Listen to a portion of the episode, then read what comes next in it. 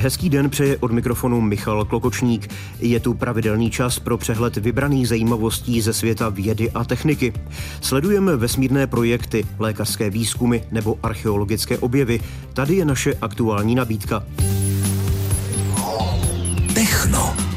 Evropská sonda Solar Orbiter se přiblížila ke Slunci a poslala detailní snímky. Vědci z Mendelovy univerzity budou čistit vodu pomocí řas a mikroorganismů. Před 30 lety se pro veřejnost otevřela hvězdárna barona Artura Krause v Pardubicích. Vědci objevili na Plutu možná stále aktivní ledové sopky. Čeští vývojáři získali evropský grant na projekty solárních panelů budoucnosti. Tyto i další zajímavosti v magazínu Techno.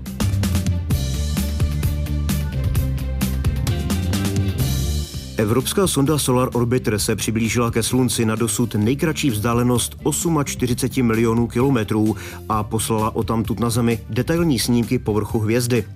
Informovala o tom Evropská vesmírná agentura, která společně s americkou NASA sondu před dvěma lety na misi vyslala. Tak blízko centru sluneční soustavy jako Solar Orbiter se nikdy předtím žádná jiná sonda nedostala. Nové snímky slunce zveřejnila agentura a vyzvala všechny, aby si užili neskutečné detaily, které přístroje zachytily. Solar Orbiter se po dva roky dlouhém letu dostal do bodu, který se nachází asi v jedné třetině vzdálenosti mezi Zemí a Sluncem. Vědci z Agronomické fakulty Mendelovy univerzity v Brně testují způsob čištění odpadních vod pomocí řas, sinic, bakterií a dalších mikroorganismů. Hlavními výhodami je podle nich to, že je tato technologie ekologická a nízkonákladová. Univerzita o tom informovala na svých internetových stránkách. Právě složení mikroorganismů v systému je klíčové. Každý z nich dokáže odbourat jiný druh znečištění. Nyní vědci systémy testují na azobarvivech. To jsou látky, které jsou ve volné přírodě těžko rozložitelné. Vyskytují se často v textilním a papírenském průmyslu a mohou mít karcinogenní účinky. Postupně se vědci chtějí zaměřit i na jiné druhy odpadních látek, jako jsou antibiotika a hormony. Systém se dá sestrojit poměrně snadno.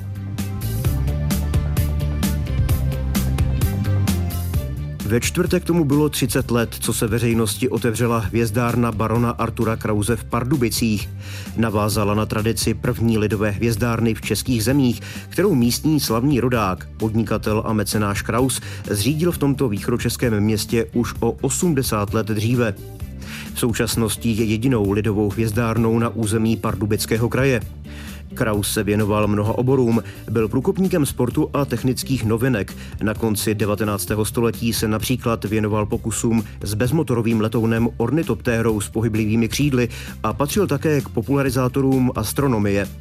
Na Pardubickém zámku nejdříve upravil věž pro astronomická pozorování a na začátku roku 1913 otevřel terasu domu na Staré poště, kde byl k dispozici dalekohled o průměru objektivu 16 cm a spektroskop pro pozorování slunce. Posloucháte Techno. Aktuální informace ze světa vědy a techniky.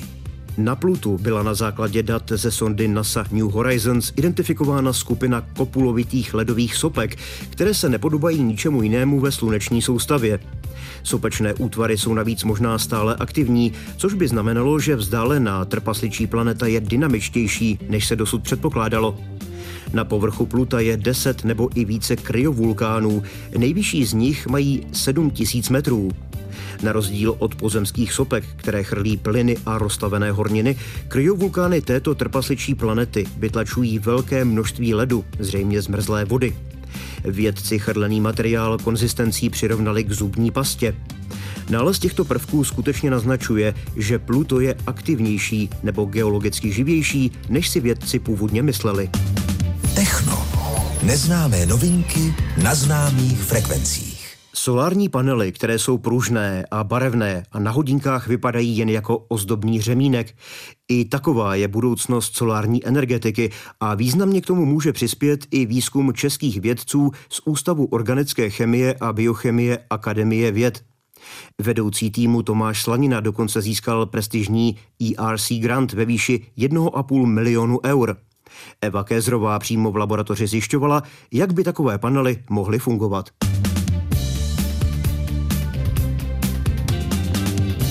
To je naše syntetická chemická laboratoř, kde připravujeme organické molekuly, svítíme na ně viditelným světlem, různé vlnové délky, různé barvy a oni potom uchovávají elektrickou energii a působí jako takové solární baterie. To mi přibližuje Tomáš Slanina, vedoucí skupiny Radoxní fotochemie, Ústavu organické chemie a biochemie. A já tedy musím říct, že úplně mi tam nesedí to spojení solární panely a chemie. Jakýkoliv materiál, který kolem sebe máme, tak je v podstatě chemická sloučenina. My se zaměřujeme na organické solární panely, to jsou nové typy solárních panelů, které jsou ohebné, můžou být barevné, můžou se tisknout na různé plastové folie a podobně, takže nejsou to ty klasické, co vidíme na polích, takové ty velké zařízení, tak tyhle jsou spíš pro nějaký osobní užití. Takže to už se posouváme k tomu vašemu projektu, na který jste dostali prestižní grant Evropské výzkumné rady. Ano, my se snažíme posunout hranice toho oboru, abychom mohli zkoumat možnost uchovávání té energie přímo v místě vzniku. Tady zrovna vidíme přípravu jedné takové molekuly, vidíme baňku, ve které se míchá takový červený rostok, ale ta látka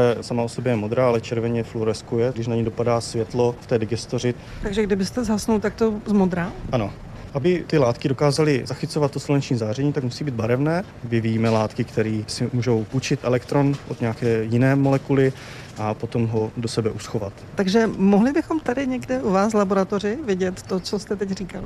No, úplně to ještě ne, ale já bych vám možná ukázal další část laboratoře, kde na ty molekuly svítíme a díváme se, co dělají. Teď jsme přišli do laboratoře, která je menší, ale o něco hlučnější. Nejdůležitější vlastností téhle laboratoře je, že nemá žádná okna a dá se v ní udělat kompletní tma. Tady zkoumáme, jestli ty molekuly se chovají tak, jak my chceme, po té, co na ní zasvítíme.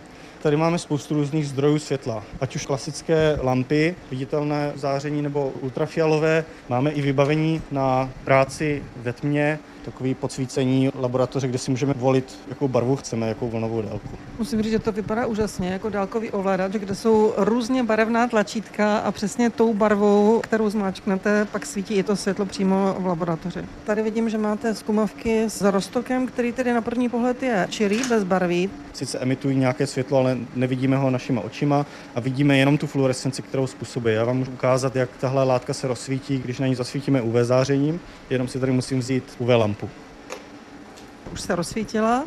Aha, takže teď zasvítíte na ty zkumavky s tím na první pohled čirým roztokem. A oni se rozsvítí modře, právě proto, že ty molekuly, které jsou v ní rozpuštěné v těch roztocích, dokáží absorbovat to záření, které na ně svítí a potom ho vyzáří ve formě modrého světla v tomto případě. No a co teď s tím? Máme dvě molekuly, které jsou takovéhle směsi. Když na ně nesvítíme, tak se nic neděje. Jakmile na ty molekuly posvítíme, tak se přenese elektron z jedné na druhou a v té, na kterou se přenesl, se uloží do chemické vazby, vlastně takový stav molekulové baterie, kdy se nám nabije a potom nějakým jiným impulzem dokážeme z té molekuly zase ty elektrony vybít zpátky. Chtěli bychom tenhle koncept přenést z roztoku do pevného stavu, kdy budeme moct tady tyhle molekuly používat právě v architektuře solárních panelů, které všichni známe. Vědecko-technické novinky na vlnách Českého rozhlasu Hradec Králové. Cílem moderních technologií je usnadnit lidem i fyzicky náročnou práci. Inženýr Vojtěch Papík z Královéhradeckého kraje je projektantem přívěsných vozíků. Zajímají ho elektromotory a jak zjistil kolega Karel Sladký, vytvořil už i svůj výjimečný prototyp.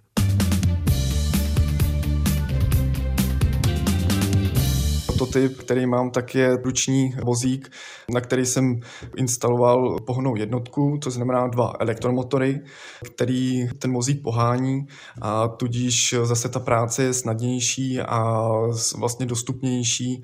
Vozík zvládá větší terény, i třeba práci ve svahu a dělá to za něj ten vozík. Určitě ten trend je, protože začíná teď být tlak na nějaký obnovitelný zdroje, zdroje třeba i vytápění, které jsou závislí na plynu no, úplně, takže samozřejmě i dřevo patří k tomu, aby si člověk doma zatopil. Právě díky těmto vozíkům ta cena toho dřeva při vlastní samotěžbě a zpracování několikanásobně míň, takže člověk nemusí zaplatit tolik za to dřevo, takže s, právě e, tyhle ty věci pak člověku pomůžou, vlastně sám si dokáže to palivo, to dřevo nadělat e, sám za velice nízké náklady. To je i ten důvod, proč jste se do toho pustil, proč jste vývojářem Vycházel jsem z vlastní situace, máme v rodině les, o který se staráme, dělám i praktickou ochranu přírody a krajiny, kde se taky pracuje se dřevem a samozřejmě i s přimístěváním různých jiných předmětů, takže takovýhle pomocníci, jako jsou různý mozíky, který člověku usnadní práci. Existuje systém Ivana, informační váha nákladu. Je to velice jednoduché zařízení, který se nainstaluje přímo na vozík, na tu nápravu a díky tomu můžeme vidět, jestli ten vozík je už naložen, anebo už je přeložen. Každý vozík má svůj limit a díky tomuhle systému Ivana, což je velice jednoduchý zařízení, který se instaluje přímo na nápravu vozíku, tak vám ukáže, jestli ten vozík už má dost a nebo ještě je možný něco doložit. Na čem teď pracujete, jaké zlepšováky máte v hlavě? Je něco, co teď máte rozdělaného? Zdokonalit ten pohon, to znamená elektromotory na vozíku, aby byly dostatečně kapacitní, aby to bylo funkční, aby to byl funkční systém a samozřejmě přemýšlím i dalším příslušenstvím, který by rozšířovalo využití těch samotných vozíků, ať při práci v lese, tak eh, v ochraně přírody, eh, v zemědělství, ale například třeba i ve stavebnictví pro převoz eh, trubek nebo vrtání děr nebo pokládání kabelů.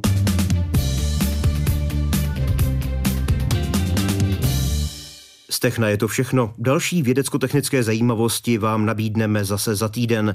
Od mikrofonu Českého rozhlasu Hradec Králové vám hezké dny přeje Michal Klokočník. Mějte se dobře.